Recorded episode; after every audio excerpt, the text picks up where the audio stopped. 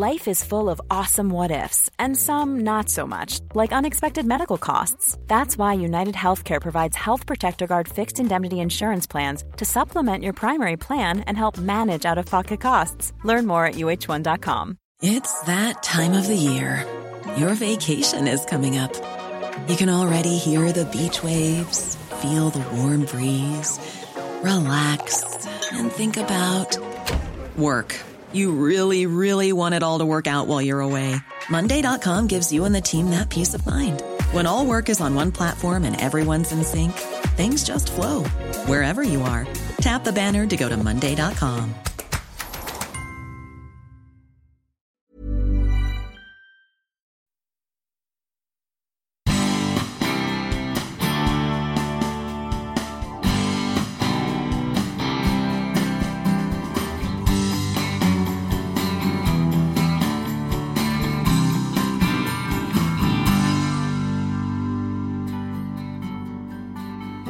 att som sagt vart man, the sky is the limit och allt det här eh, till att sen inse att nej men jag kan inte det. Jag får sätta helt nya mål. Jag får uh, lära mig att kunna gå fem minuter om dagen, sen tio minuter, alltså ta små steg i rätt riktning uh, för att orka. Och det var jättetufft. Jag fick problem, ja men mycket psykiskt. Uh, jag klarade inte samma stressnivåer. Jag var väldigt ljus och ljudkänslig. Jag ehm, hade det ja, men väldigt tufft med, med många delar. Och men, kände att jag inte hade kontroll, tappade en del av minnet. Eh, och liksom, det var många grejer som ja, fick sig en törn i kroppen. Självledarskap är ett modeord som du säkert hört på någon föreläsning eller läst i någon artikel. Men vad är det egentligen? Och hur gör man för att leva det liv man vill leva? Therese Albrektssons liv gick på högvarv med barn och jobb. Skräpmat och piller var det som hamnade på tallriken och antalet steg i stegmätaren var minimalt. Sen tog det stopp en dag. Med små knep som MTA, lappade bilen, några extra grönsaker tog hon sig tillbaka till ett normalt liv. Kanske inte hela svaret på frågan om självledarskap, men en bit på väg som var möjlig att uppnå för henne. Vi pratar också om crowdfunding i Partille, entreprenörskap, knäoperationer och varför Therese vill att jag ska intervjua Ukrainas president Zelensky.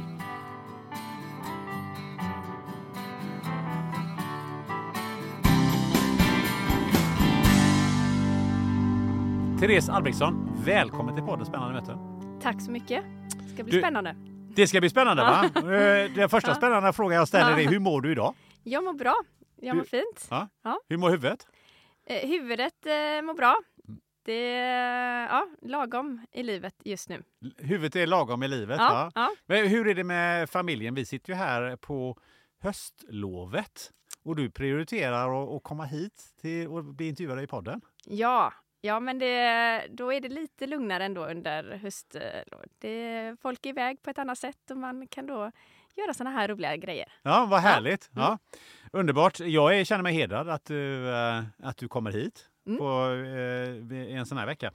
Du, eh, jag funderar på hur gör du när du ska stressa av? Mycket handlar om att stänga ner telefonen och sociala medier bland annat. Eh, ta bort notiser eh, så att jag får den återhämtning. Sen för, eftersom jag inte är så bra på just det här med att stressa ner och stänga av så måste jag verkligen lägga in det i kalendern. Att eh, så här, nej, nu är det återhämtning som gäller. Och det kan vara ibland bara att jag lägger in 20 minuter eller en halvtimme. Eller ibland kan det vara en halvdag. Och ibland kan det vara flera dagar. Det beror lite på hur mycket det har varit innan och efter. Men tar du det till någon plats eh, eller är du alltid mitt i stan då? Eller var, var, var någonstans är det mest avstressande platsen för dig? Hemma är väldigt eh, avkopplande, tycker jag, att vara. Och bara ta det lugnt. Men sen eh, eh, på, eh, på sommaren tycker jag det är väldigt mysigt och härligt att vara på landet. Det är verkligen stänga av och stänga ner eh, i Bohuslän, vid havet. Mm. Hur, Jättemysigt. hur är din relation till skogen? Eh, det är också väldigt avkopplande. Där ska jag säga att jag inte är lika bra på att eh, vistas. Men eh, just vid havet, där, på sommarstället, är bättre. Fast du säger lika bra, det är ju liksom... Ja, men jag är inte, en del går ut och går varje dag i skogen till exempel. Där är inte jag lika eh, ambitiös som må- många andra och tycker det är avkopplande. Och det är det ju också, att vara ute i naturen. Men eh, där tycker jag det är skönare att ibland bara vara hemma. Mm. Ja, men det är, alla hittar väl sin plats. Eh, Ja, I det viktigaste är att man hittar sin, Ja. sitt sätt. Ja, nej, men jag, dig, jag tror vi kommer komma tillbaka till det här lite grann. Men, men eh, ja, skogen är för mig, det är liksom the place to be. Ja, Mm. havet är också, men nu bor jag inte vid havet så att, eh, jag åker till havet för att koppla av, det gör jag inte. Nej, Eh, men jag kan bara, bland annat säga att, att jag kände mig ganska stressad och, och trött igår. Men just det, stäng av mobilen, gå ut i skogen, så fick jag ihop den här intervjun. Ja men vad härligt. Ja? Underbart, det bara Man- kom. Just det här att tänka klara tankar, tycker Ja. jag. För det tycker jag är svårt. Mm. Vad tycker du?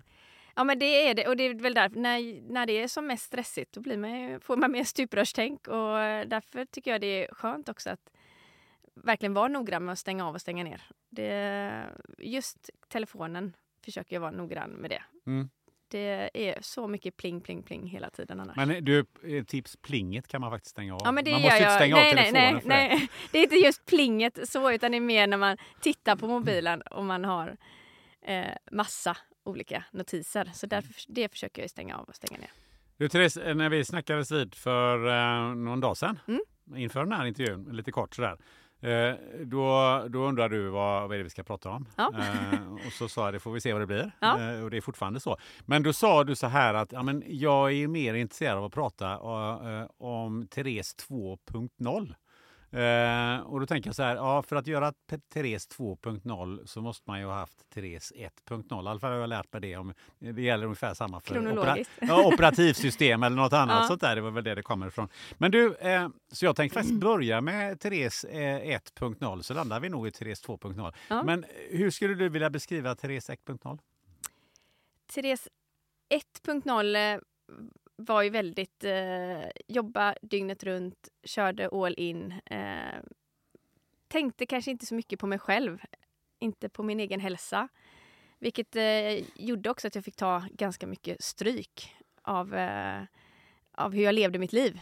Och drabbades av mycket sjukdomar och skit och eh, så. Och hade väldigt höga ambitioner med livet och eh, med ja, olika bolag jag drev och lite sånt där. Men insåg att det går inte att göra det om man inte mår bra. Eh, så det var ju det som gjorde att också jag gled in på Therese 2.0. Att verkligen fokusera på hälsan, eh, nummer ett. För det låter ju klyschigt, men mår man inte bra så går det inte bra. Och det, det fick jag sota för ganska mycket. Hur, hur gammal är, är Therese 2.0? Det vill säga att hur länge sedan var det du lämnade Therese 1.0? Eh, Ungefär.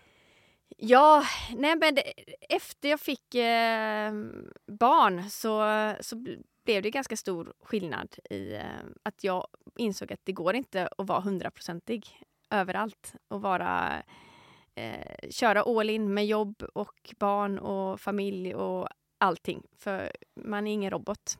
Kroppen höll inte helt enkelt och jag fick ju mycket varningar.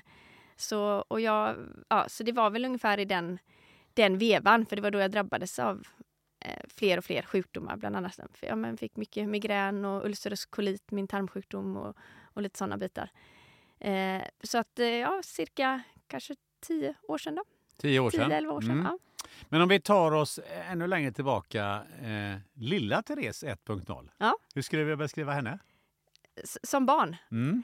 Eh, oj, där hade man väl också olika perioder i. Eh, men eftersom jag föreläser ganska mycket nu så, så tycker jag att det är lite spännande att se att när jag var som liten, den här åtta år, ju, lågstadie eh, Therese, så fick jag min lågstadielärare hörde av sig till mig en gång så sa hon Therese, är det verkligen du som eh, står på scen nu? Du som var så blyg och inte ens kunde våga prata inför klassen och sådär. Och det tycker jag är, var en viktig aha-grej, för det visar ju också att man kan utvecklas och man kan eh, bli bättre på grejer med bra träning. Eh, och det betyder inte bara för att man inte kan något under en period i livet så kan man faktiskt klara det i andra perioder av livet. Hur, hur kändes den här eh, blyga eh, Therese? Nej men den, eh, ja det var en bra fråga. Det, ja, den, den kändes, eh, ja, Men eh, hur kändes det om du skulle ställa dig och, och prata inför klassen och, och du var i den åldern? Nej, men jag tyckte att det var väldigt läskigt och jag tyckte det var väldigt jobbigt. Eh, men eh, det var ju någonting som jag övade också mycket på. I alltså idag i skolan, eller då i skolan när jag gick, så eh, var man ju tvungen att hålla mycket presentationer. Eh, så det var en övningsfråga och det blev jag ju bättre och bättre på. Så sen tyckte jag ju det bara var roligare och roligare och roligare. Eh, och sen kunde jag ju till och med stå eh, på gymnasiet sen och inför hela skolan och köra Ronny och Ragge och köra en sketch och liksom vara Ronny eller Ragge eller vem jag nu var av dem. Ja, det har jag velat se. Ja så det, det blir, ja, man kan förändras och man kan förbättras. Men det är ju fantastiskt att, ursäkta, och det är ju fantastiskt att skolan eh, ändå har förändrat dig åt det hållet. För det kan ju, kan ju vara också så att eh, ja, men man låser sig och sen kommer jag aldrig uppträda någon gång i hela mitt liv. Nej, och så kan det ju vara om man får en dålig upplevelse av någonting såklart. Men, eh, men jag tror att det är bra att man får öva på olika grejer. Och jag läste ju någonstans att folk är mer rädda att stå inför folk och prata än att dö. Så att det är klart att det finns en rädsla i det. Men eh, ja, man får börja med små, små grupper. Men vad tror du att, eh, vad var det som gjorde att du, att du gjorde den här förändringen i ditt liv?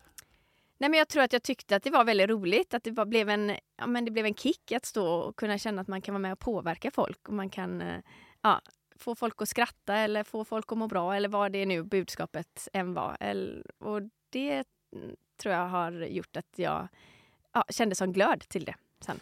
Du är uppvuxen i en idrottsfamilj får man ändå säga va? Ja, Ja, det får man nog säga. Ja. det får man nog säga. Om vi, om vi då Ja. eh, bara... eh, vi ska inte prata om din pappa, men han har ju gjort lite, han har ju gjort lite grejer. Ja. Kan du bara berätta?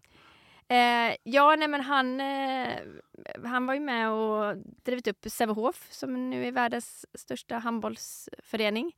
Det är inte Och, eh, dåligt. nej. Och eh, Partille Cup då som är eh, världens största eh, ha- handbollscup. Så, att, eh, så att det har ju funnits mycket med mig sen barnsben. Och både, min mamma spelade i damlaget och pappa i herr, herrlaget eh, i Sävehof på den tiden. och Så, där. så att jag har varit uppvuxen i en handbollshall kan man säga. Ja, och då fick du din Sävehof-tröja innan du föddes eller strax efter du föddes? Ja, det är en bra fråga. det var säkert innan. Nej, men det... Ja, jag, eh, jag var med tidigt i alla fall med Sävehof-kläderna på. Det var det ja. Ja. Har, har du syskon? Jag har en lillebror. En Ja. lillebror. Han är också eh, upp, givetvis döpt i samma form. Ja, han spelade i eh, A-laget i Sävehof i tio år var det väl. Så att, ja, han har kört på med handbollen längre än vad Mm. jag gjorde. Hur, hur såg din egen eh, handbollskarriär ut? Blev du liksom våldsamt intryckt? Nu ska du spela handboll utav farsan eller hur var det? nej, det, nej, verkligen inte. Det, de har varit eh, väldigt sådär att du ska göra det du tycker är kul och det du brinner för och inte pushat alls utan väldigt mycket att det ska komma inifrån mig själv och sådär. Sen tyckte jag att det var väldigt kul. Eh, men jag idrottade, jag spelade fotboll och tennis också. Och, men sen blev det handbollen till slut. Men efter fyra knäoperationer innan jag fyllde 19 och drog en del korsband och sådär så, så såg det inte jätteljust ut även om jag det gick bra och det var roligt eh, under de åren jag spelade. Hur bra gick det? Nej men jag var ju med på sådana här eh, riksläger och det var uttagning till eh, ja, juniorlandslag eller vad, vad det var då på den tiden. Det är många år sedan nu. Men eh, så att det, det var ju, ja, det beror på vad man jämför med. Men eh, vi hade ett väldigt bra lag i Sävehof. Så vi vann sån här ungdoms, ja vad var det när man ungdoms ICA Cup, ungdoms-SM hette det väl då? Ja, ja, ja. det är ju förminskat Ja, det. Nej. men det, är nej men det var något, eh, ja, Ja. Eh, Jag vet inte vad det heter när man är så här B-ungdom. Ja. Ja. Men du, eh, du Men, säger, eh, men som sagt, Ja. det var inte... Knäna måste ju hålla för att Mm. kunna spela. Och då undrar man ju liksom, vad sa du, fyra eller fem knäoperationer? Fy, ja, fyra, ja, Fyra, fyra, Fyra- korsband. Vi har ju fyra- bara fyra korsband vi är ja, fyra knäoperationer. du- du- Fyra knäoperationer. Första drog jag när jag var 13, Ja. så att det var inte jätteljust. Men, eh, och sen har jag opererat en nu i äldre dagar också. Ja, men du, du gjorde ändå fyra eh, skador i korsbanden innan du eh, fick tvingas lägga av. Ja, och korsband och menisker då. Ja. Så att, eh, Ja, ja, du städade Mm. rent i knäna. Jag städar helt rent helt enkelt. Ja.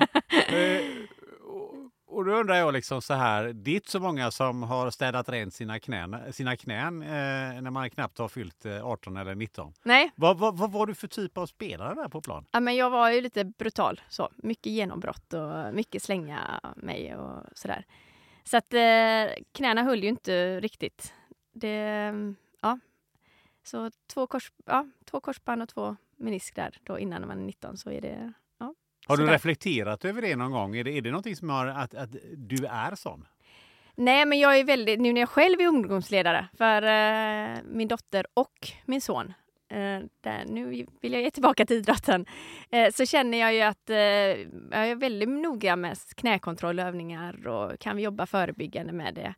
Jag Eh, fick höra av, eh, i Norge hade de gjort någon undersökning att 85 procent av alla korsbandsskador sker när det när man har mens till exempel. Alltså, och, det fin- och det finns mycket mer forskning nu än vad det är innan. Och hur man kan jobba mycket mer förebyggande att genom att bara göra lite mer knäkontroll varje, varje vecka så kan det minimera risken och förebygga mycket av korsskador. Mm. Så att, eh, där är jag ju mycket mer noggrann. Mm. Nej, men eh, det kan man inflika att det, det kan jag intyga att det gäller ju även andra sporter att tjejer Mm. drar i sina korsband och överhuvudtaget gör sönder sina knän i mycket större frekvens än vad killar gör. Ja. Eh, så att, och det, det där är ju intressant att just de gör det oftast under sin mens. Ja. Och som sagt, jag är ju ingen forskare eller eh, expert på korsband men, eh, men det är klart att eh, ja, men om tjejer är mindre där och så kanske man behöver jobba mm, i, i knät. Det får inte få plats på samma sätt och mens och, och olika sådana grejer så är det klart. Vet man om många av de bitarna så kan man ju jobba lite mer förebyggande. Ditt entreprenörskap det har ju liksom eh, följt dig genom hela livet. Ja. Om man läser på lite grann om dig. Hur mycket entreprenörskap har du hemma? Det har inte, funn- det har inte varit att eh, mamma eller pappa har drivit eget på det sättet. Min mamma är lärare och innan det var hon undersköterska. Och eh, eh pappa jobbar ju som sagt i en idrottsklubb. Men det är klart att det, det var mycket entreprenöriellt där. Att driva upp någonting från att vara den första anställda till att vara världens största idrotts eh, eh, handbollsförening. Så är det klart att eh, det är ju en entreprenöriell anda. Men, eh, och sen är det nog mycket från, från hemmet att eh, ja, men hur man bygger upp sig själv och jobbar med att det fanns en stark tro till att man ska klara saker. Så när du eh, gick i gymnasiet så, eh, och du kom hem och sa att nu ska jag starta bolag här. Vad, vad sa man då? Nej men det var ju det var inte så vanligt eftersom jag inte, många som startade eget kanske har föräldrar som har drivit eget innan. Men det hade jag ju inte där. Och det är klart att det var lite läskigt. Jag skulle starta inom någonting som, som jag inte hade så mycket kunskap om eller sådär. Men jag hade ju en stark tro på det jag gjorde och på mig själv och på mina produkter som jag då skulle sälja. Så att eh, jag var ju så övertygad om att nej, det här ska jag göra. Det här brinner jag för. Och då har jag ju alltid fått bra stöttning hemma. Men det är klart att jag fick ju många kommentarer om så här, men gud, tänk om du misslyckas från folk. Och många var ju sådär, ja men eh, hur ska det gå? Du behöver pengar. Och jag hade ju inga pengar. Mina föräldrar var skilda och jag hade lärt mig att man ska jobba för sina egna pengar och jobba upp. Eh, Så att jag behövde ganska, jag behövde kämpa för att få upp det här startkapitalet bland annat och komma ut. Mhm. Hur gjorde du då? Nej, men en, en del var ju att jag inte var så rädd för mig. Jag var ganska modig. Jag kont- ja, kanske naivt modig i, i, en del, i en del fall. Jag kontaktade mycket folk. Jag gick ut i tidningen och frågade om det fanns några som kunde stötta mig med pengar. Jag frågade i min närhet om jag kunde låna pengar. Eh, och jag skrev reverser och grejer för att eh, betala tillbaka de här pengarna sen. Men jag var så övertygad om att nej men, ja, går det åt helskotta, ja, men då kan jag betala tillbaka de här. Då får jag jobba stenhårt för att få in det här kapitalet igen. Men eh, eh, nummer ett var ju ändå att nej, men det här ska gå bra. Men Det det är det. lite eh, vad säger f- en, en förtidsvariant av crowdfunding. Ja, men lite på det sättet. Ja, Kan man Det verkligen säga. ja. Eh, Du sa det här nyss med att eh, du gick den här resan från att vara den här blyga tjejen som inte ville stå längst fram till det vill säga komma in på lite entreprenörskap och så vidare. Men, men jag tänker på hur mycket, fick, i- mycket hjälpte dig idrotten där? Men jag tror att idrotten eh, är väldigt fostrande på många sätt. Det är ja, men både det att kunna vara i en grupp, kunna ta kontakt med människor, kunna ja, men gemenskapen, att jobba ihop med folk. Även om man driver eget och är själv så måste man ju ha bra folk runt omkring sig. Eh, och det var jag ju noga med, att ha människor som var bättre än mig på många andra saker än vad jag själv kunde. För jag var ju så ung och inte hade så bra koll på många saker. Men det är ju ändå, tycker jag, eh, en, en ganska insiktsfullt. För att eh, många är ju, kan själv, jag är kung, kungen i världen eh, när man är 19, i alla fall när man är kille då. Ja. och liksom tycker att alla andra är dumma i huvudet och jag kan det mesta själv och, och, lite det här. Det är ju ändå ganska insiktsfullt i min reflektion när, jag, när du säger så här, ja men jag tog till mig människor som, som kunde saker och ting bättre än vad jag gjorde själv. Ja, men en del, en del av mig var nog eh, det. Att jag, för jag kände att nej, men jag har inte så bra koll med det här med siffror eller sådana. Alltså, eller nej, men jag kan inte det med hemsidor. Eller, eller när jag skulle skriva min första bok kände jag men jag är inte så bra på att skriva. Jag behöver ha hjälp med någon som kan skriva. Så jag kan prata och så får hon skriva ihop till exempel. Då. Eh, så på många sådana. Men sen fanns ju också den delen i mig. Så det är den jag kallar lite naiva, naiva till det som kände att nej, det, the sky is the limit, kör all in det fanns inga begränsningar någonstans. Eh, så den fanns ju också i mig, också, både på gott och ont ibland. Ja, men, det, men samtidigt så behövs ju den. Ja. Alltså, för att man ska köra hela vägen. Ja, ja, ja, verkligen. Det var ju en jättetillgång. För att jag tror aldrig att jag hade startat eget annars om, om den attityden och den, eh, det goet inte fanns i mig. Men vad är det, din egen tillgång? Vad du eh, tillförde i, i det här läget? Och, och egentligen i resten av livet också? Nej, men jag tror att eh, det viktigaste som jag... Det var väl att jag inte var så rädd för att ta kontakt med alltså modet. Att jag inte var så rädd för att misslyckas och att jag inte var så rädd för att ta kontakt med nya folk eller höra av mig till människor. Det värsta som kunde hända ja, men det var att få ett nej till exempel. Och, så att jag var väldigt... Eh, ja, men modet och självledarskapet har väl funnits med mig under hela tiden kan man väl säga. För att eh, om man inte tar ansvar för sin egen situation och eh, att nå de resultaten eller det välmåendet eller vad det än har varit genom livet så, så, eh, så når man inte dit. För du sa det ordet eh, självledarskap. Ja. Vad innebär det egentligen?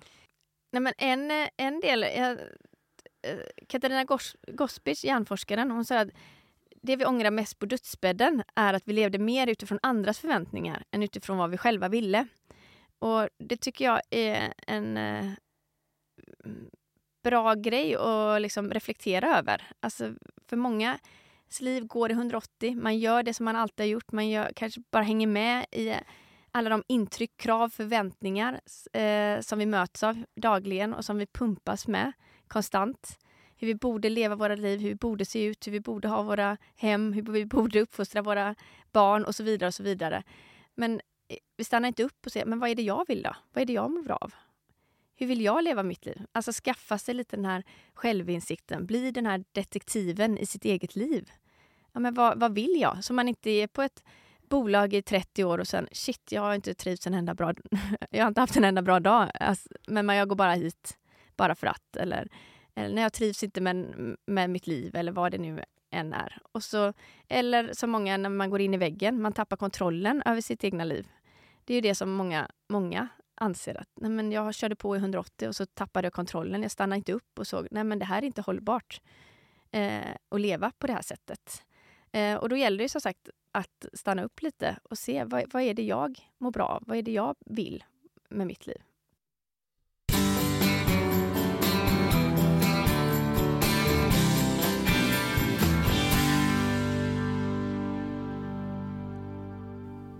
Den här podden sponsras av FunMed. Peter Martin, du är läkare och grundare av FunMed-klinikerna som jobbar med funktionsmedicin. Jag har en fråga till dig. Vi bombarderas ju dagligen med mängder av kostråd. Hur ska jag veta vad som funkar för just mig? Ja, det kan du inte riktigt veta, för inget av kostråden är ju egentligen anpassade för dig som individ. Hos FunMed får du hjälp av specialutbildade läkare och hälsocoacher som baserat på en mängd olika provsvar och en kartläggning av just dig hjälper dig att ta reda på vilken kost som passar dig. Saknar du någon som tar ett helhetsgrepp på din hälsa? När du tecknar FunMeds medlemskap så ser man hela dig. Tillsammans med din funktionsmedicinska läkare skapar du en plan för kost, näring och livsstil baserad på avancerade labbtester och ett holistiskt synsätt. Du får stöd av ett dedikerat vårdteam med läkare, hälsocoach och sjuksköterska. På FunMed så tror man också på kraften i att göra livsstilsförändringar tillsammans. Att göra sin hälsoresa tillsammans med en vän eller familjemedlem kan vara avgörande för att lyckas. Så nu har ni chansen att göra 2024 till året då er långsiktiga hälsa får det fokus den förtjänar. Gå in på funmed.se och köp två medlemskap så får ni halva priset på två provtagningspaket till ett värde av upp till 19 990 kronor. Erbjudandet gäller till och med 1 december 2023. Så klicka in dig på funmed.se och starta din hälsoresa. Tack Funmed!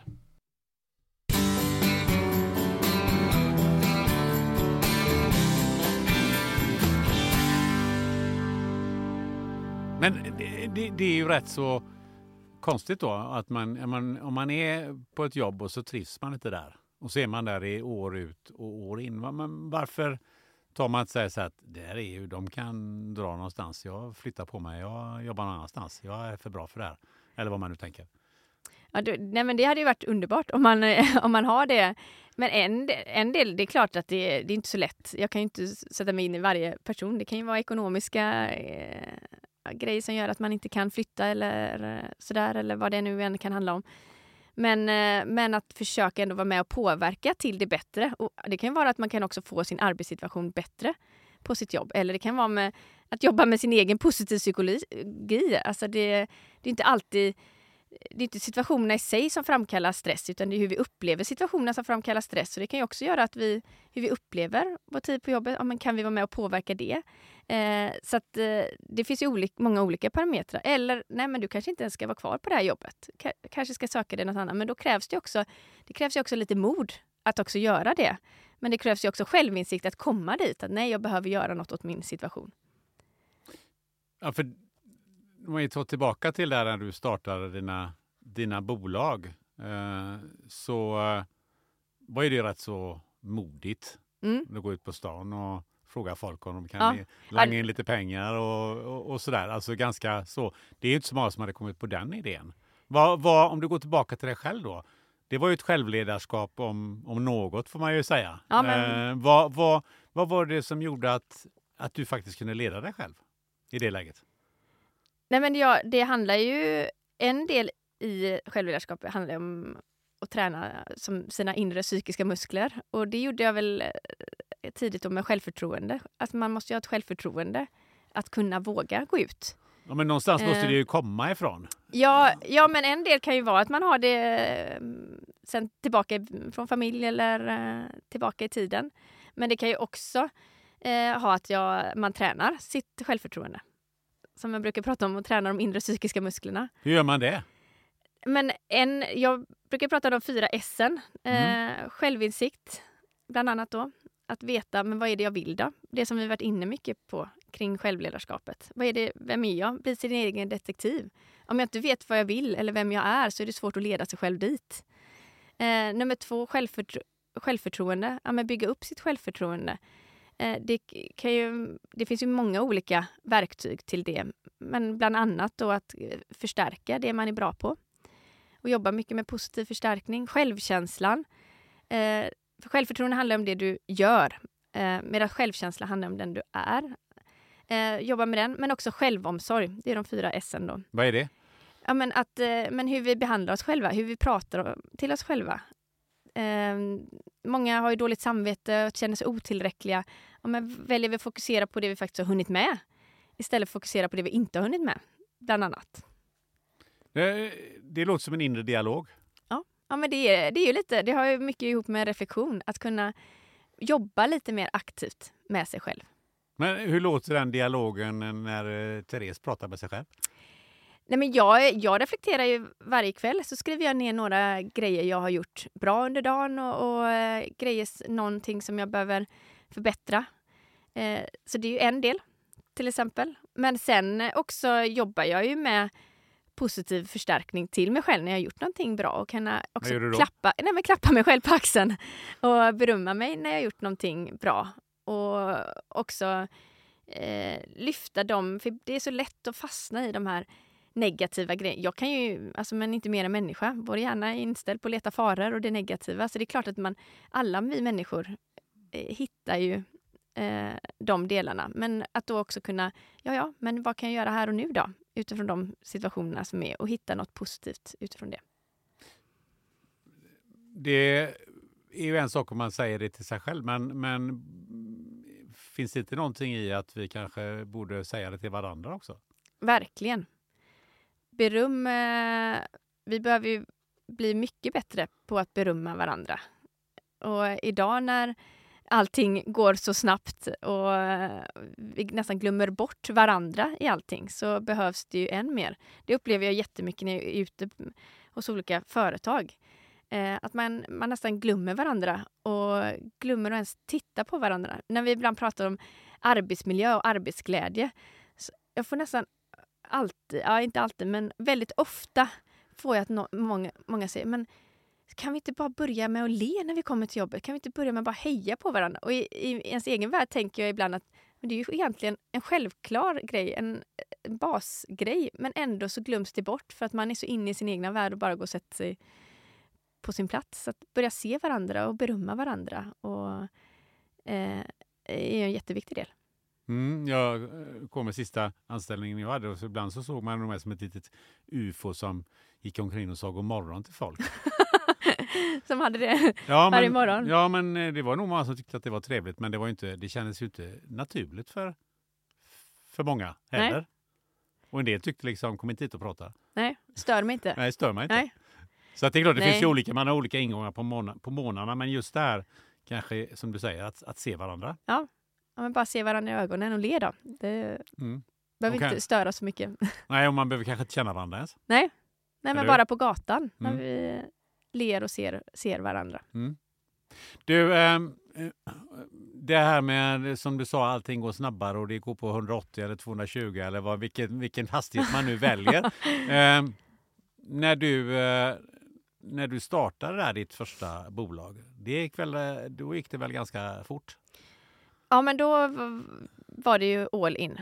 Då körde jag på i eh, ja, vilken hastighet jag nu hade, men det var en hög hastighet i alla fall. Eh, och tyvärr så eh, eh, var jag med om en olycka som gjorde att eh, den hastigheten kraschade. Och eh, det gjorde att jag blev sjukskriven och inte mådde så bra under en period. Innan vi kommer in på den grejen, för den, den är ju den är givetvis eh, eh, livsomvälvande och intressant. Men jag tänker på vad var det för bolag som du drev och hur kom, Ja. hur kom du på Nej, men, idéerna kring det? Ja, nej men då drev jag inom... eh, Jag läste ung företagsamhet på gymnasiet och där eh, sålde vi såna här självförsvarssprayer och olika personlarm eh, som man eh, skulle känna sig tryggare när man var ute och gick. Eh, och eh, det ville jag då fortsätta med efter gymnasiet. Så det var det som jag drev vidare med Mhm. efter gymnasiet. Hur, hur, hur gick det när du körde eh, 180? Eh, var- Jobbade du dygnet runt då eller vad gjorde du? Ja, men det var mycket jobb. Väldigt, gjorde du väldigt mycket då? jobb. Vad, vad, vad, innebar, det, vad innebar det? Eh, konkret vad jag gjorde Mm. under... Eh, ja, men, nej, men jag var ute väldigt mycket. Sälj, sälj, sälj. Hur Ja. såldes de här produkterna i en återförsäljare? Eller vad, ja, vad gjorde du nej, då? men det såldes på Teknikmagasin. Nu så jag säger rätt. Eh, ja, men det var ju en del kedjor. Vi hade lite inne hos Reitan då med några pressbyråer. Vi hade ehm, ja, Teknikmagasinet. Vi hade mycket Kopiax, alla låssmedar och sådär. Det såldes på en del nätsajter. Redan på den tiden? Ja. Det gjorde det.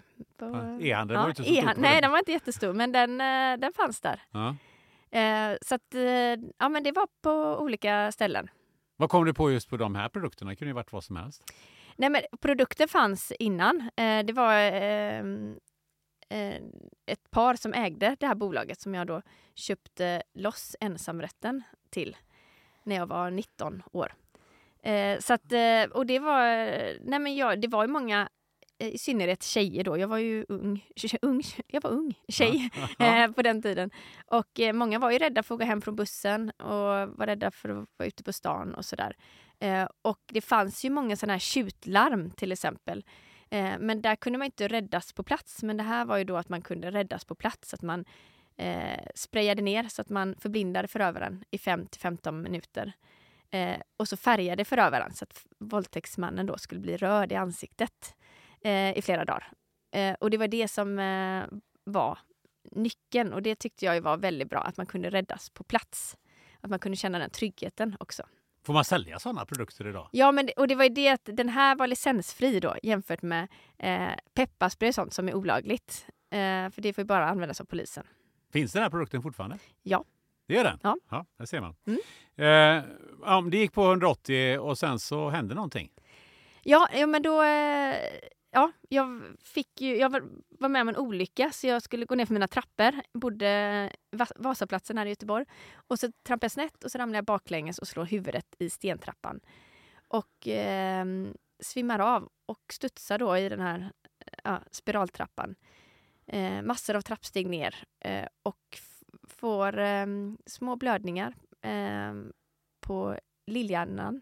Eh, och ja, hade en väldigt tuff rehab tillbaka från att ha varit superaktiv och det gått i ja, 100-2000 procent. Men hur var det livet? Eh, Jag antar att du var på sjukhusen ett litet tag, och, men sen kom du hem och var, Ja, hur men såg det var, livet ut då? nej, men det var jättetufft. Från att som sagt vart man the sky is the limit och allt det här eh, till att sen inse att nej, men jag kan inte det. Jag får sätta helt nya mål. Jag får eh, lära mig att kunna gå fem minuter om dagen, sen tio minuter, alltså ta små steg i rätt riktning eh, för att orka. Och det var jättetufft. Jag fick problem, ja men mycket psykiskt. Eh, jag klarade inte samma stressnivåer. Jag var väldigt ljus och ljudkänslig. Jag eh, hade det ja, men väldigt tufft med, med många delar. Och ja, men, kände att jag inte hade kontroll, tappade en del av minnet. eh, Och liksom, det var många grejer som ja, fick sig en törn i kroppen. Men eh, vad gjorde du då? Du, du måste ju ha legat mest hemma då och liksom bara och vilat eller vad, vad gjorde du? Ja, ja, men det gjorde jag. Det var mycket vila och mycket återhämtning och rehab för att komma tillbaka också. Hur, hur, Men- länge, hur, hur långt var den här perioden? Hur lång tid tog det innan du liksom började känna att ja, men nu är väl, nu kan jag gå till affären i alla fall? Och, Ja, nej men eh, alltså, ju, Ja, det var, jag vet inte exakt, för det var ju, men jag kom tillbaka lite och så jobbade jag lite och lite mer sen efter ett tag. Eh, och så sålde jag ju bolaget då i den vevan också då, för jag kände att jag inte hade riktigt kraft, ork eh, att kunna jobba vidare med det. Och sen kände jag också att det går ju sämre med när, eftersom bolaget var en del beroende av mig och jag inte kunde jobba. Så Nej, det är klart, ska du ut och sälja så hade det ju varit Ja. lite svårt va? Nej, ja exakt. Så att, eh, nej men och det, men ehm, jag tyckte det var ju väldigt tufft att jobba. Jag klarade ju inte vissa grejer eh, under eh, lång tid. Eh, och sen, så jag gjorde mig av med bolag och jag, sen när jag kom tillbaka och blev bättre, då fokuserade jag mycket på ja, men, att föreläsa och få andra att starta eget. Mhm. Det var det som jag ville liksom inspirera till, för jag kände Mm. att jag kommer inte klara att driva eget nu, men jag kan inspirera andra till att driva eget. Mhm. Hur var det? Hur kom du fram till det? Nej, men det var, det var, jag vet inte om det var någon som sa eller om jag kom på det själv, men det är bättre att eh, jag får tusen stycken att starta ett bolag än att jag startar tusen. Eh, och speciellt i det skicket jag var också sen när jag då, eh, att jag inte hade den, att jag var väldigt stresskänslig och inte orkade på samma Mm. sätt. Ja, men berätta om vad var det du gjorde då? Berätta om det där. Var det akademi eller vad var det för Ja, någonting? jo men och sen, ja, och sen då, ja, men då föreläste jag ju en del och, men så var det många då som hörde av sig och sa att ja, men det är ju ändå hyfsat eh, lätt att starta eget i Sverige. Men hur gör man sen då för att växa? Hur gör man sen för att ta nästa steg och utveckla? Och eh, det var ju någonting som jag reflekterade en del över och såg att nej men det är ju faktiskt, det är inte så lätt. Hur gör man? Hur gör man för att gå från två till fem anställda? Hur gör man för att gå från fem till 20 anställda? Hur gör man gå från 20 till 100 anställda? Vad är framgångsnycklarna? Och då intervjuade jag och tillsammans med en kollega då 100 stycken eh, entreprenörer som hade gjort de här resorna, som hade byggt bolag från noll men byggt upp stora bolag idag. Vad är nycklarna för tillväxt? Och då fick vi massor av svar. Sammanställde det till tio stycken nycklar, tillväxtnycklar. Eh, och eh, sen gjorde vi en utbildning av det som blev Academy of Excellence. Mm. Och, eh, och det var ju några år senare då när jag mådde, mådde bättre helt Ja, ja. enkelt. Eh, eh, och ehm, ja, sen eh, drev vi den och vi hade ungefär tusen stycken då företagare som gick utbildningen för att få sina företag att växa och alla lärare eh, och som föreläsare som utbildade, det var ju entreprenörer som hade byggt bolag. Eh, Allt ifrån Thomas Ek som byggde upp OBH Nordica som pratar om ledarskap i tillväxt eh, till eh, Magnus Helgesson som byggt upp eh, eh, Harrys pubbar till Academic Work och så vidare. Eh, så att, eh, som pratade om kring det här med rekrytering, hur man eh, gör för att anställa rätt personer. Men var det onlinekurser eller hur funkar Nej, det? det var live. Det var live? Ja, Ja, så man gick på tio föreläsningar? Eller ja vad, så vad det var man? ett tio veckors program kan man säga. Mhm. Så en nyckel per vecka som man då gick igenom. Sen fick man då jobba igenom den nyckeln under veckan som gick. Vad hände med dig själv under den? Vad, vad, vad blev din resa i det här eh, som, som person? Nej, men jag tyckte det var jätteintressant och kul att följa alla de här bolagen. Även om jag inte jobbade i de bolagen så fick man ju en enorm insikt och förståelse för ja, men vilka utmaningar som fanns och vad som var viktigt. Och en, en viktig, eller stor del som jag reflekterar mycket över var att många pratar om att sin bransch är så unik och sin, sitt företag är... Men ofta sitter alla med ungefär samma utmaningar eh, framför sig. Eh, och det kan man ju lära mycket av varandra oavsett om vilken bransch man är i. Men då, det låter precis som att eh, då fick du liksom upp eh, tempot igen. Ja, men det fick jag. Då fick jag upp tempot igen. Då fick du upp tempot igen. Då fick jag upp tempot igen. Ja, I kroppen. Hur, hur, fort Ja. gick det då? Ja, men då, nej, men då gick det ju mycket, då var det mycket jobb igen. Vi, jag, min man bodde i Norge då, var handbollsspelare, eh, tränare. Och eh, jag, eh, vi hade kontor i Stockholm. Eh, så att eh, jag pendlade mycket och eh, ja, hade precis, ja, liksom var i det här i slutet också, fick barn och allt sånt där. Så att eh, det var, det var en tempofylld eh, period var Ja. det. Och hur länge var det gasen i botten? Nej men det var, eh, det var en del gasen i botten för jag tyckte att nej, men då är det, jag var ändå bra med min, eh, efter min olycka som jag varit med om och jobbade upp mycket.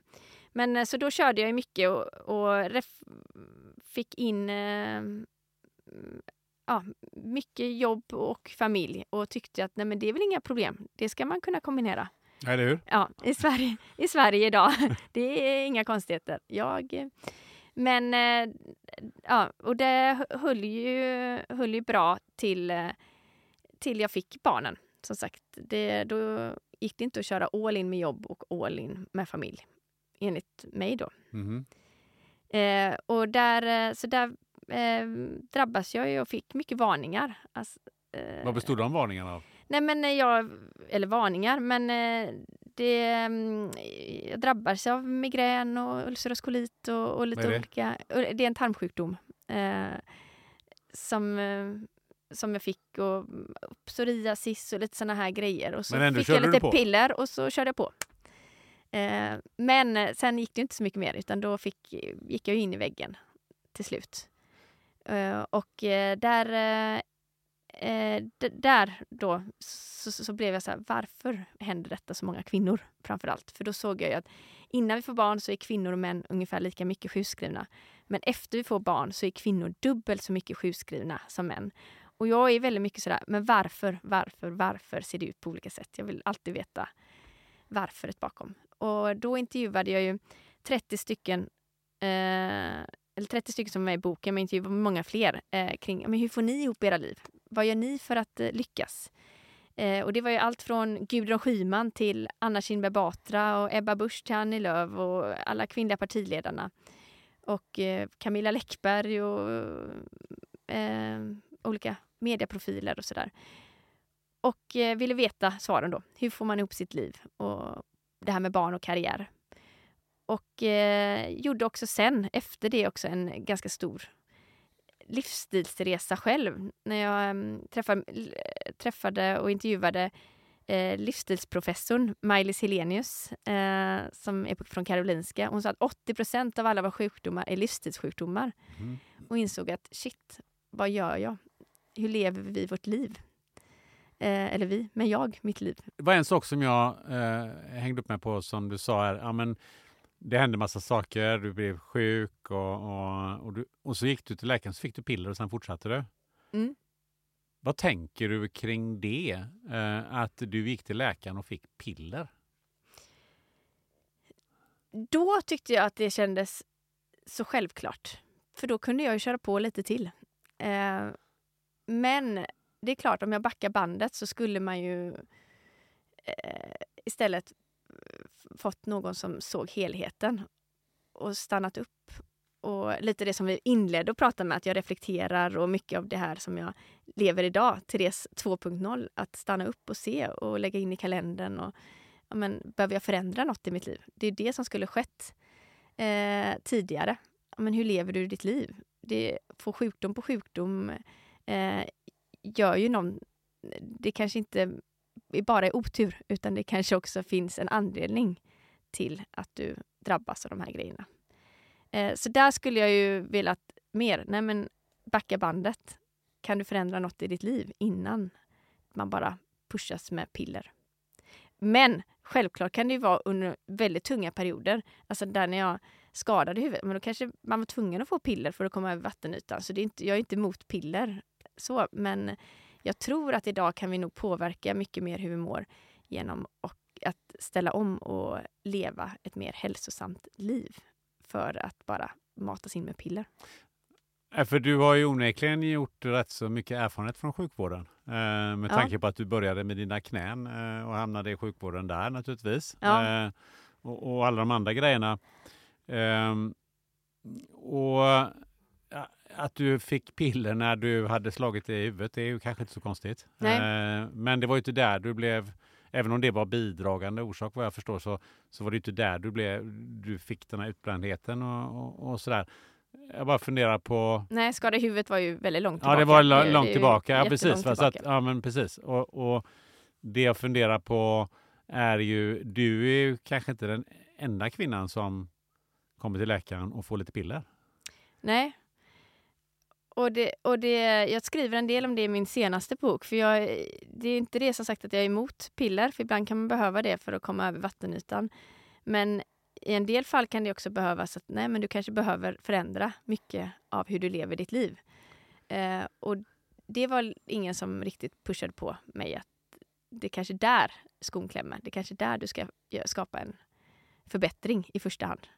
Eh, och det tror jag att vi behöver mycket mer av i sjukvården. Jobba mycket mer eh, ja, hälsofrämjande. Den här podden sponsras av Gröna Gårdar, din ekologiska köttbutik.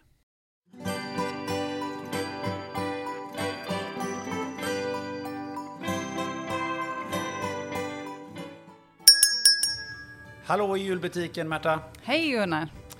Dags för en grön jul, dags för julskinka. Jag köper givetvis alltid ekologisk julskinka. Men nu sa Elisabeth att den ska vara nitritfri också. Vad betyder det? God smak din fru har. Det, är, det, betyder att man använder vanligt salt och inte nitritsalt när man saltar skinkan och då får liksom köttsmaken blomma ut mer men skinkan blir inte lika bjärt rosa. Men okej, okay, då fattar jag. Då köper jag med mig en 3 kilos skinka direkt. Nej, du får vänta lite. Du får beställa den i butiken och sen får du hämta den eh, en till två veckor innan jul. Skojar du eller? Vet du att E6an har rasat i Stenungsund? Alltså, ska jag behöva åka hit? Har du svårt att ta dig till Ljungskile, då är det bäst att du går in på grönagårdar.se istället och köper julskinkan. Där har vi lite mindre skinkor på 900 gram ungefär. Och anmäler man sig till vårt nyhetsbrev så kan man också få förtur till beställningen. Mm. Och sen kommer det faktiskt också en eller två lite spännande julnyheter som man kan hålla utkik i nyhetsbrevet i november, december någonstans. Julnyheter, vad är det för några? Ja, det är en tidig julklapp, så får man inte öppna i förskott. Okej, eh, fattar. Men då vet vi adressen. In på Gröna Gårdar och anmäl dig till nyhetsbrevet. Och gör det nu, God jul i förskott! God jul!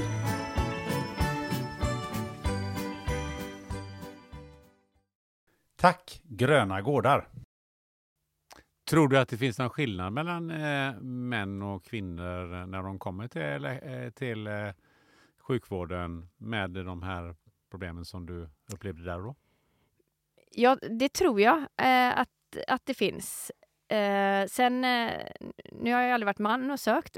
eller, Nej, men du kanske jag, har läst men, på en del. Exakt, men, jag, men eh, eftersom två tredjedelar av alla som är sjukskrivna med eh, stressrelaterade besvär och de psykiska är ju kvinnor. Men det är faktiskt två tredjedelar av männen som tar livet av sig. Eh, så nummer ett är det ju som en underdiagnostisering kring män och där kan man ju tvärtom känna att fler män behöver söka hjälp innan det går för långt. Eh, så det är klart att det, det, finns en skillnad mellan män och kvinnor just kring de här, här, det psykiska måendet. Men kan det också finnas en skillnad mellan Therese och någon annan som kommer till? För du är rätt så driven. Jag kan tänka mig, vad, vad sa du när du satt hos läkaren? Ah, vad fan, ge mig ett piller så kan jag fortsätta köra. Eller liksom, för ja, det, är lite den attityden ja. du har eh, i, i de andra, andra grejerna som du har visat och som ju har tagit dig ganska långt i livet. Eh, för, den, för den skull. Ja. Finns det någonting där? Ja, bra fråga. Ja, ja det kan, kan jag ju faktiskt. Eh, det kan säkert ha varit att jag också pushade på att nej, men jag, vill, jag vill jobba eller jag vill eh, köra på. Eh, så det är klart, det finns säkert skillnader där. är det någonting du har reflekterat över? Ja, men det jag har reflekterat över är ju mycket att jag själv inte... Jag fick ju också ändå många som sa, men Therese, du kanske ska stanna upp, du kanske ska lugna ner dig eller du kanske ska... Men jag var inte riktigt där, jag var inte riktigt mogen till att göra det. Utan jag tänkte jag ska bara göra det här. Jag ska bara men är inte det, där, ursäkta att jag avbryter det där, men är inte lite det där om du, tar, om du går tillbaka till, till hur det var när du skulle starta ditt första bolag och du skulle få pengarna och sådär. Mm. Då var det ju som, ja men det här kanske du inte ska göra, det kanske inte kommer att gå. Eh, ska du inte göra så här istället? Eller ja. du kommer aldrig få upp de här pengarna. Nu var det någon som sa att ja, men du, det, det där är inte bra för dig, du kan bli sjuk eller sådär. Och blir det här, vad jag vill åt är lite det att man, man åtminstone det är min, lite, min egen erfarenhet också, att man kan fasta lite grann i sin egen förträfflighet. Ja, ja jo, men, jo men det kan nog vara, det är klart att det påverkar väldigt mycket tror jag, att jag själv var så pushig, vill, ville så mycket. Och det, det ser man ju också många som blir utmattade. Eh, det är ju, ja, men många är ju jädrigt drivande och har höga krav på sig själv och vill, vill väldigt mycket och man ja, men som jag brukar säga, man brinner för något så mycket som man till slut brinner upp. Alltså det, så det är klart att det finns en grej där. Ja, men jag kan tänka mig att du kan gå ta tillbaka till handbollen. Mm. Du måste vara rätt smärttålig. Ja, ja, men det är klart att jag, jag, är väl nog alltid så här, men det jag kan påverka, det ska jag göra 100 procent försöka påverka till det jag vill. Eh, och det är klart att eh, kroppen då kanske inte riktigt håller för det, att köra all in till 100 procent. Och speciellt inte Eh, och då kanske man åker på olika grejer alltså, med smärthål. Eller ja, okej, okay, jag drog i korsband. Okej, okay, rehab snabbt. Kom igen nu, kör hål in rehab och så ska jag komma tillbaka. Okej, nu fick jag det här sjukdomen. Okej, ett piller eller ja, vad kan jag göra åt det? Pang! Och så kör jag vidare. Eh, och det är väl därför jag är så noggrann nu. Vi inledde med det här med återhämtning. Jag måste lägga in i kalendern. Jag lägger ju in MTA, möte Therese Albrektsson, ja, i, i, min kalender. Där det är så här, nej, det här är reflektion, det här är återhämtning. Så det, det har blivit en eh, prestation i sig att kunna, alltså det, det är merit för mig, att de här delarna när jag också tar det lugnt. Att också sätta av tid i kalendern för de delarna. För det är en viktig del. För den som det, det var, om det var min sjukgymnast som sa det första gången till mig. Den som inte avsätter tid för eh, friskvård kommer förr eller senare avsätta tid för sjukvård. Och det, ja, det är någonting som jag nu, innan såg jag ju så kortsiktigt. Nej, men jag ska bara till det här, bara till det här. Men, och, det, och det säger inte att jag inte kommer ka, kanske drabbas av sjukdomar eller grejer framöver ändå. Det kommer man, men har i alla fall försökt vara med och påverka att leva ett bättre, så har jag i alla fall eh, förebyggt en del av det. Sen kommer jag, som alla, alla människor, eh, säkert drabbas av eh, uppturer och nedturer och sjukdomar och grejer framöver. Men i alla fall försöka eh, minimera den, eh, det som vi var inne på, att 80% av våra sjukdomar livsstilssjukdomar. Att kunna vara med och påverka det till något bättre i alla fall. För en annan sak som jag tänkt på, det är just när man är eh, högpresterande så kan man, även om man beröm, ba, många gånger berömmer sig själv, så är det också så att man får en hel del beröm för det man gör. Mm. Eh, och det är också lite grann det här att det är också lite en fälla tror jag. Jag vet inte vad du tänker, men just det här att oj, det är så många som klappar mig på axeln och du, du gör, kan inte du göra det här också? Alltså det har jag varit med om på mitt alltså, jobb som jag haft. Mm. Att man blir lite så här, ja men jaha, de tycker att jag är så bra, ja men då tar jag det här också. Ja. Och till slut så har du hamnat lite i den situationen. För det är väl också, tänker jag, är, kan, vara en fara. Jag vet inte, vad tänker du? Jo, men det är det. Och, man, och, och framför allt att jag tycker det är väldigt roligt att jobba. Jag tycker det är väldigt kul och jag älskar att träffa människor och göra nya saker. Och jag brinner ju verkligen för mitt jobb och det jag gör. Eh, så att det är klart att det är lättare att säga ja till nya saker och säga ja. Och det är därför jag också måste...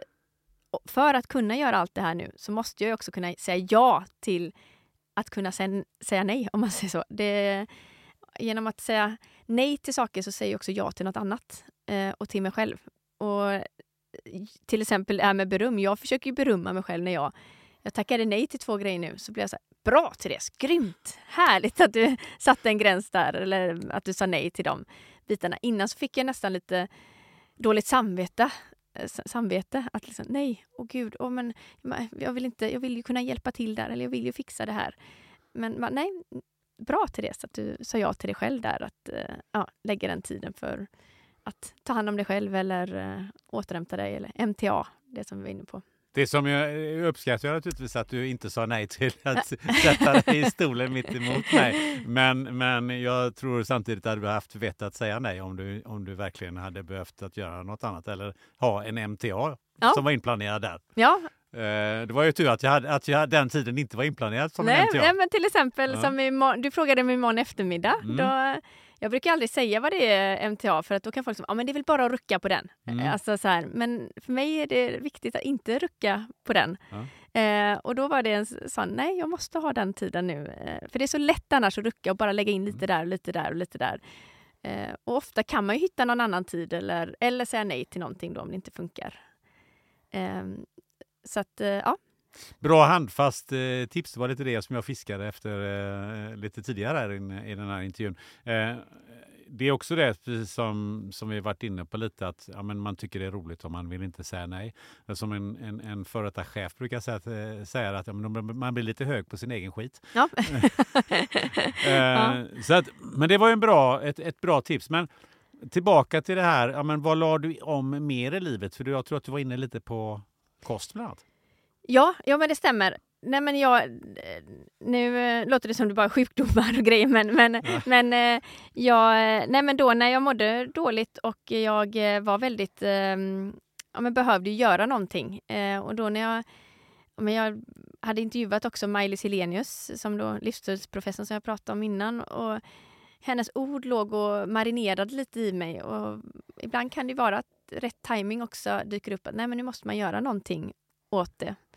Eh, så eh, började, bestämde jag mig för att eh, göra om mycket, stora delar av mig själv, både erfarenhetsmässigt och jag tog tag i många delar, allt från kost, sömn, alltså innan hade jag varit eh, utbränd entreprenör som gick och sen omskolade mig, läste till hälsopedagog.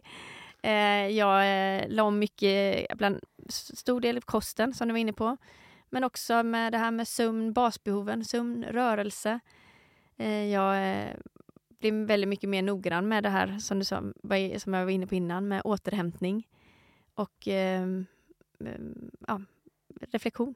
Hur, hur såg det ut innan? Mat, och har du sömn, motion. Det är tre grunder i att vi inte ska hamna bland de här 80 procenten. Ja, Eh, vad, hur så, berätta, hur såg det ut innan du tog tag i det och hur, såg det, hur ser det ut nu när du tar tag i det?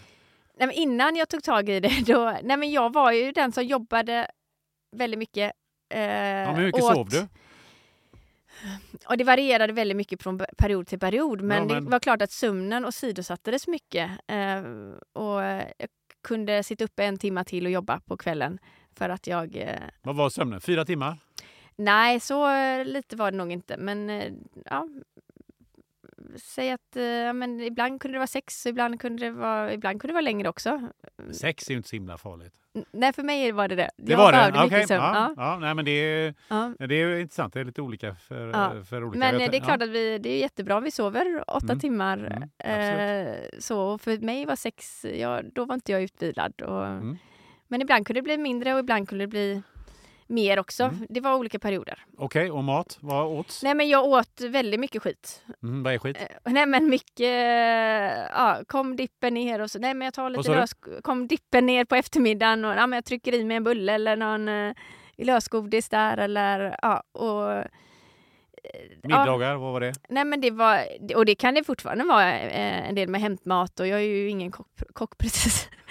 Eh, men, eh, nej men det var mycket skit, skitmat helt enkelt. Vad är Eh, det? Gorbys panpizza? Och... Ja, ja, men- ja, men lite, ja nästan. Men eh, pizzor och mycket hämtmat och sådär. Ja. Och som sagt, ja, det är fortfarande, jag inte, lever inte efter någon helt strikt grej idag. Du vill inte ursäkta jag, nej, men jag, vill, nej, men jag tycker det är viktigt för många tror att man måste vara så här, nej men nu går man in och lever 100 procent Mm. efter, och det är jag inte. Jag försöker leva efter 80-20. Att det är 80 procent bra och så sen 20 20% procent är skit. Ja, Ja. det Och innan var det 20 100 bra, ja, men då 80 var det, skräp. ja, Ja, och träningen då? Hur mycket blev den då? Som gammal idrottskvinna? Nej, och det trodde jag ju aldrig att man skulle då, men tvärtom så sket jag ju, rörde mig jättedåligt. Eh, parkera, gick så få steg som möjligt. Eh, idag är det tvärtom, jag försöker gå så många steg som möjligt. Så du sa Ja. 200 steg, yes, det Ja. var lite... Det var, ett- Ja, men då var det så här, wow! ja, nej men så att jag, eh, och, så det hände ju jättemycket och det handlar inte om att jag då körde all in med fem dagar på gymmet, för det är det jag, jag tror inte på de delarna, att man ska gå all in, för då håller man inte de vanorna på sikt. Utan skapa bra små vanor som är hållbara, eh, som kan bli stora skillnader på sikt. Och det, ja, som jag sa, om man Många kör ju, jag är ju delägare i ett gym och man ser ju de här nyårsluften, alla går all in på gymmet och, och sen så dör det. Februari, mars, april, maj, juni. Och så sen kör man all igen efter sommaren och ska sommarkilarna bort. Och sen dör det igen. Men jag, det som jag och gjorde en stor förändring, det var att när jag ska skapa små hållbara förbättringar i vardagen som, som kan bli stora skillnader och, på sikt. Och det var ju i fem minuters promenad en dag, ja, men det blir 30 timmar på ett år. Eh, så det, blir, det är de delarna som jag ville få in. Ja, men ta inte hissen, ta trapporna i alla lägen. Park, eh, du behöver inte leta efter närmsta, eh, närmsta parkering. Fast du gjorde det när du åkte Ja, hit. jag skulle precis säga det. Nu höll jag på att leta hundra grejer. Men då hade jag så en lapp i eh, eh, bilen då när jag ville få in nya grejer. Då eh, hade jag så här, parkera långt ifrån för din hälsa. Mm. Eh, Det här är ett tips. och så parkerade jag långt och då var det så här, nu kommer jag för sent till dig så att nu... Men då fick jag, parkerade jag ofta långt ifrån. Och så eh, gick jag, och det blir inte många, men säg att det blev två minuter extra där, två minuter extra promenad där, två där. Och så blev det några extra promenad överallt. Eh, och då, min rörelsedel blev så mycket bättre. Jag hade ju såna appar i telefonen så att jag ändå kunde mäta. Eh, och eh, bara den här vardagsrörelsen blev jag så mycket bättre. Och det här stillasittandet som är så farligt idag. Eh, som Maj-Lis Helenius säger, sitting is the new smoking. Att vi, eh, och för varje stillasittande timma förkortas vårt liv med 22 minuter. Så bara en sån del gjorde jag ju om mycket av de här bitarna. Eh, så eh, ja, men basbehoven var ju en, en viktig del. Hur ofta är du på ditt egna gym? Nej, men jag, är inte, jag är inte så bra på att gå på gymmet, men jag är väldigt bra med eh, vard, vardagsrörelsen idag. Vad är vardagskäket nu då? Nej, men, och det, det kan fortfarande som sagt vara en del Jo, jo. skräpmat. Ja, men ja. det, kan, Det men var ju bara jag, 20 procent nu. Nu Men jag är 80%. väldigt mycket mer noggrann med frukt och grönt. Mm. För det påverkar ju väldigt mycket hur vi mår. Mm. Bland annat, jag har också eh, minimerat väldigt mycket av kött Eh, äter mycket mer fisk som vi åt här innan då. Valde jag fisken istället Mm, det för... gjorde du. Ja. Jag tog korven. Ja, exakt. Men som sagt, jag kan också välja korven ibland Ja. eller jag kan parkera nära om det blir någon akut där. Eller, så det är inte det att jag lever efter 100 procent utan jag, det jag vill uppmana är ju liksom försöka leva 80-20. För blir det för mycket förbud så håller vi inte det på över lång tid. Men hur mycket eh, piller eh, blev du av med? Hur mycket har du massa kvar? Eh, Ja, nej, men det var det som... För det var inte själva... Jag gick ner väldigt mycket i vikt. Jag, jag gick ner faktiskt 17 kilo. Oj. Eh, och det var inte det att eh, de... Jag har inte brytt mig så mycket om vikt och sådana bitar innan, utan det jag framför allt var noggrann med, för nu ligger jag väl med runt 15 ner sen, sen dess. Eh, Ehm, men det som var viktigt var ju framför allt att hälsan blev så mycket bättre. Det var inte, jag skiter i om det är vikt hit och dit, men hälsomässigt och inne, det inre mådde så mycket bättre och blev av då med eh, alla de här pillerna som jag, som jag åt då. Och det, ehm, därav tycker jag det är väldigt intressant att se hur man kan förbättra mycket av sitt mående kring hur man lever. Och du berättade du det eh, en hel del för, för andra? Ja, exakt. Eh, och det är, ja, men jag brinner väldigt mycket för ja, men framförallt den psykiska hälsan, men den fysiska också. Det hänger ihop såklart, men framförallt den psykiska. Eh, med tanke på att så många inte mår så bra idag. Vad är du ute i föreläsningar och, och vad, vad gör du? Ja, men främst idag så är det föreläsningar om eh, allt ifrån självledarskap, välmående, arbetsglädje eh, som är huvudfokus. Och, eh, sen har det varit mycket kring den, kring den senaste boken där, när jag skrev Fack psykisk ohälsa, vägen till bättre mående. Och det har ju, hör ju mycket ihop med den psykiska hälsan. Berätta om boken. Vad, vad handlar den om förutom det som du sa i rubriken? Ja, men, nej, men den handlar ju mycket om det som rubriken säger. Att, eh, ja, men hur kan vi göra för att må bättre? Med tanke på att många mår eh, inte så bra idag. Eh, och eh, många är väldigt stressade. Men hur kan vi göra då med små tips i vardagen som kan göra att vi kan få ett mer hälsosamt liv. Men också hur man kan ta sig upp ur en utmattning till exempel. Eh, mycket baserat på egna erfarenheter men också vävt in mycket då från men allt ifrån professorer till eh, läkare och, och psykologer och sådär. Hur, hur stort är intresset eh, där ute att, eh, att göra någonting åt sin eh, situation? Är folk intresserade av det?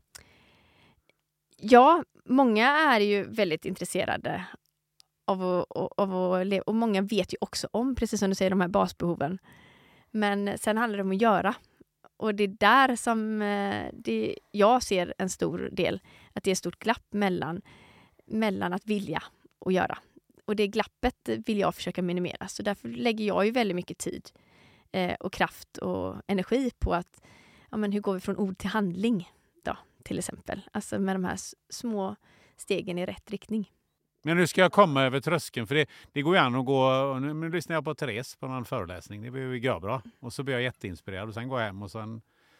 Same shit. Ja, nej, ja, men ex, nej men exakt, det handlar ju mycket om att sen gå från ord till handling. Men jag, det är därför jag tycker det handlar mycket om att bestämma sig för någonting. Du kan inte göra allt, men du kan göra något.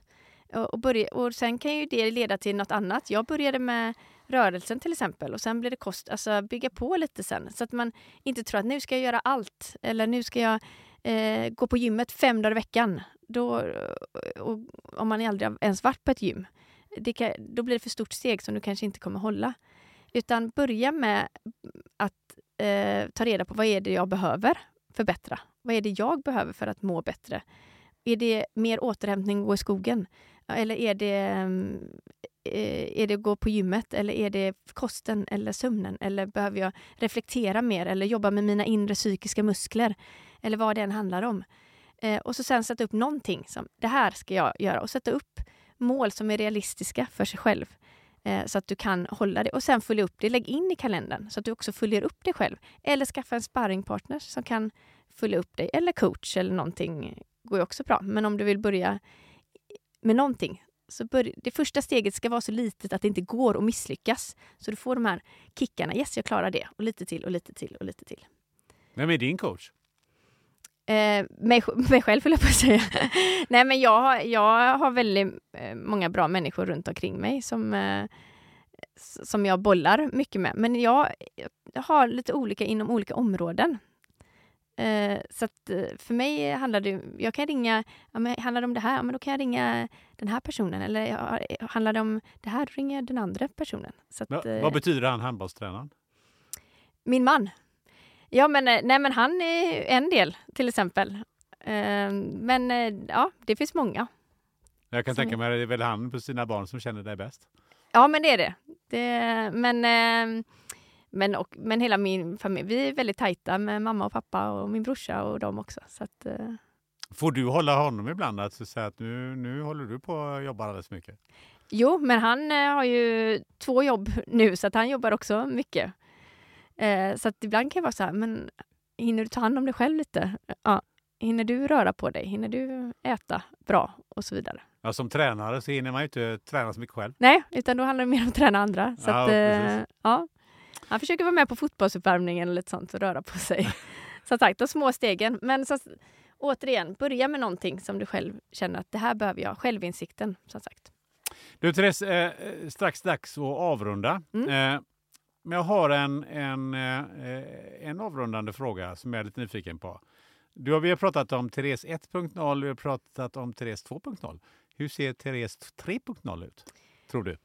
Therese 3.0, bra fråga.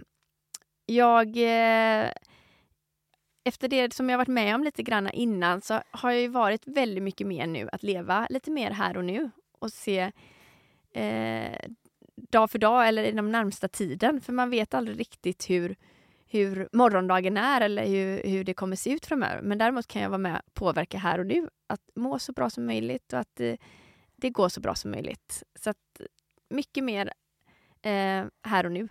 Så att jag hoppas att tre, Therese 3.0 lever mycket som hon gör idag. Eh, Vad gör tre, Therese 3.0 för någonting? Eh, är, hon, är hon ute och föreläser? Pratar med mig Vilket- själv i tredje Ja, det är ganska roligt faktiskt. Ja. Eh, är, är, hon, är hon där ute och föreläser om det här eller har hon hittat på något nytt? Något nytt bolag som går att driva eller någon ny, eh, eh, någon ny galen idé eller någonting eh, som eh, kanske till och med finns risk att hon får upp en ännu högre hastighet. De får dra i handbromsen. Ja, där behöver jag dra i mig själv igen. Mm. Nej, men jag tycker det är väldigt... Eh, jag håller på med en ny bok nu. Mhm. Vad handlar den Eh, om? Den kommer handla väldigt mycket om hälsa. Mm. Mm, Den andra handlar ju lite mer om, om den här fackpsykisk Mm. ohälsa, Mm. men den här kommer handla mycket mer om mer kring eh, hälsa generellt. En bok till blir det. Mm. Yes. Vad blir det mer? Eh, och sen eh, har jag ju en del föreläsningar. Och Mm. de, jag gillar och jag tycker det är kul att se och kunna påverka att eh, människor Mm. kring eh, att må bättre. Mm.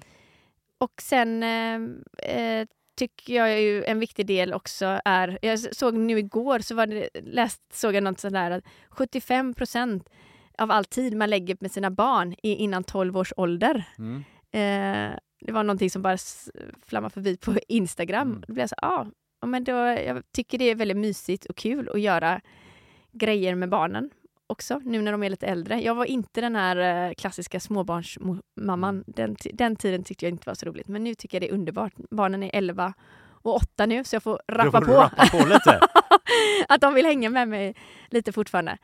Eh, och sen är jag ju tränare för båda barnen eh, i handboll. Mm. Eh, Men, men- de har inte dratt något korsband än? Peppar, peppar, peppar. Nej. Men eh, jag, nej, så jag tycker det är väldigt härligt att kunna njuta, hänga med dem, hänga med vänner och familj, resa. Och stå Och, på eh, scen stå kommer på du scen. göra en hel del framöver. Du kanske blir lite hög av att stå på scen. Är det så?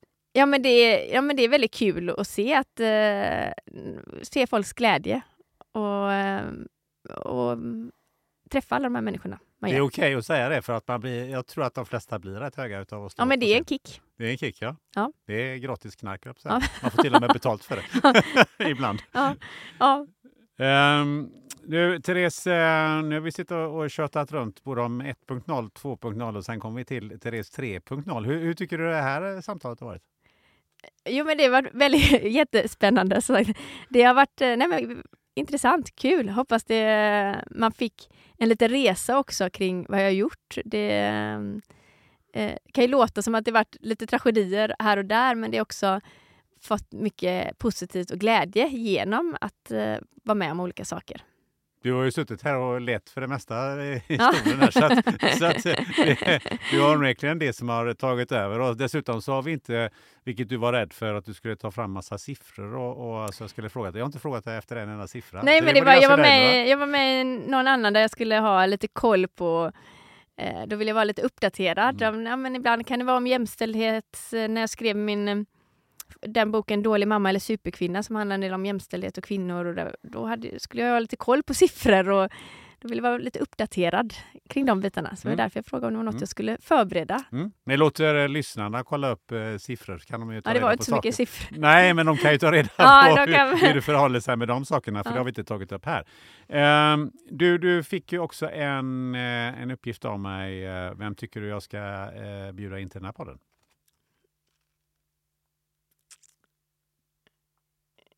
Oj, Ja, nu jag, är det tyst.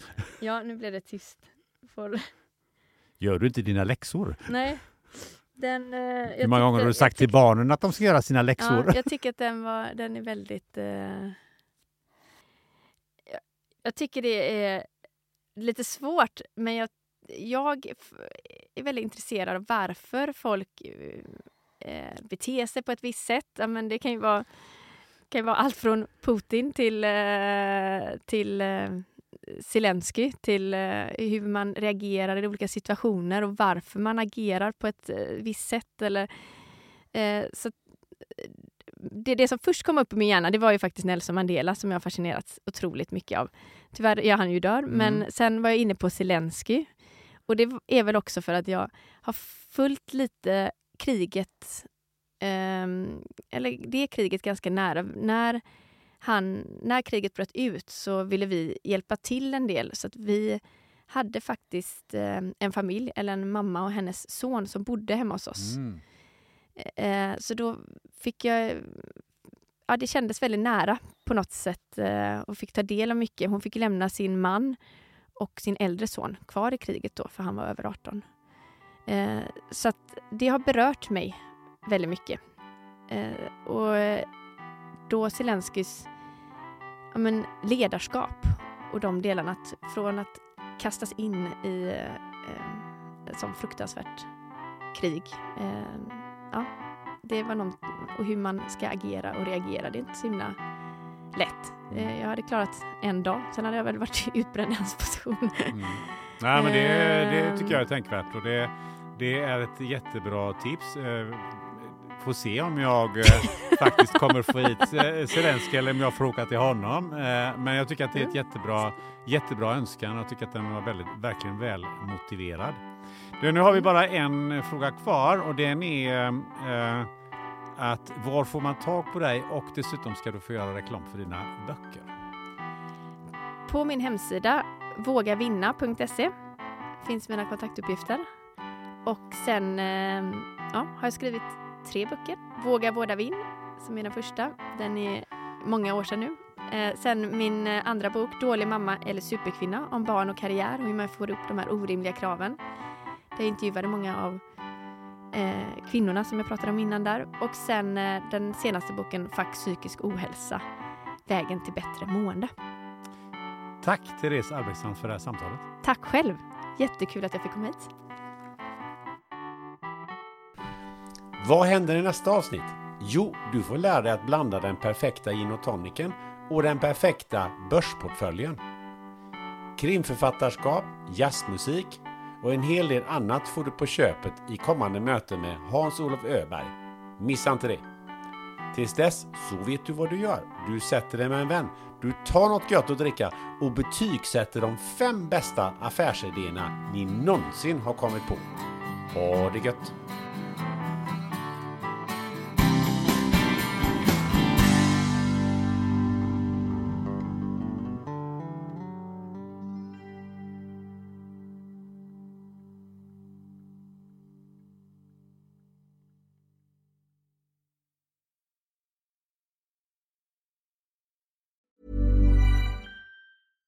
Ever catch yourself eating the same flavorless dinner three days in a row? Dreaming of something better? Well, HelloFresh is your guilt-free dream come true, baby. It's me, Gigi Palmer. Let's wake up those taste buds with hot, juicy pecan-crusted chicken or garlic butter shrimp scampi. Mm. Hello Fresh. Stop dreaming of all the delicious possibilities and dig in at hellofresh.com. Let's get this dinner party started.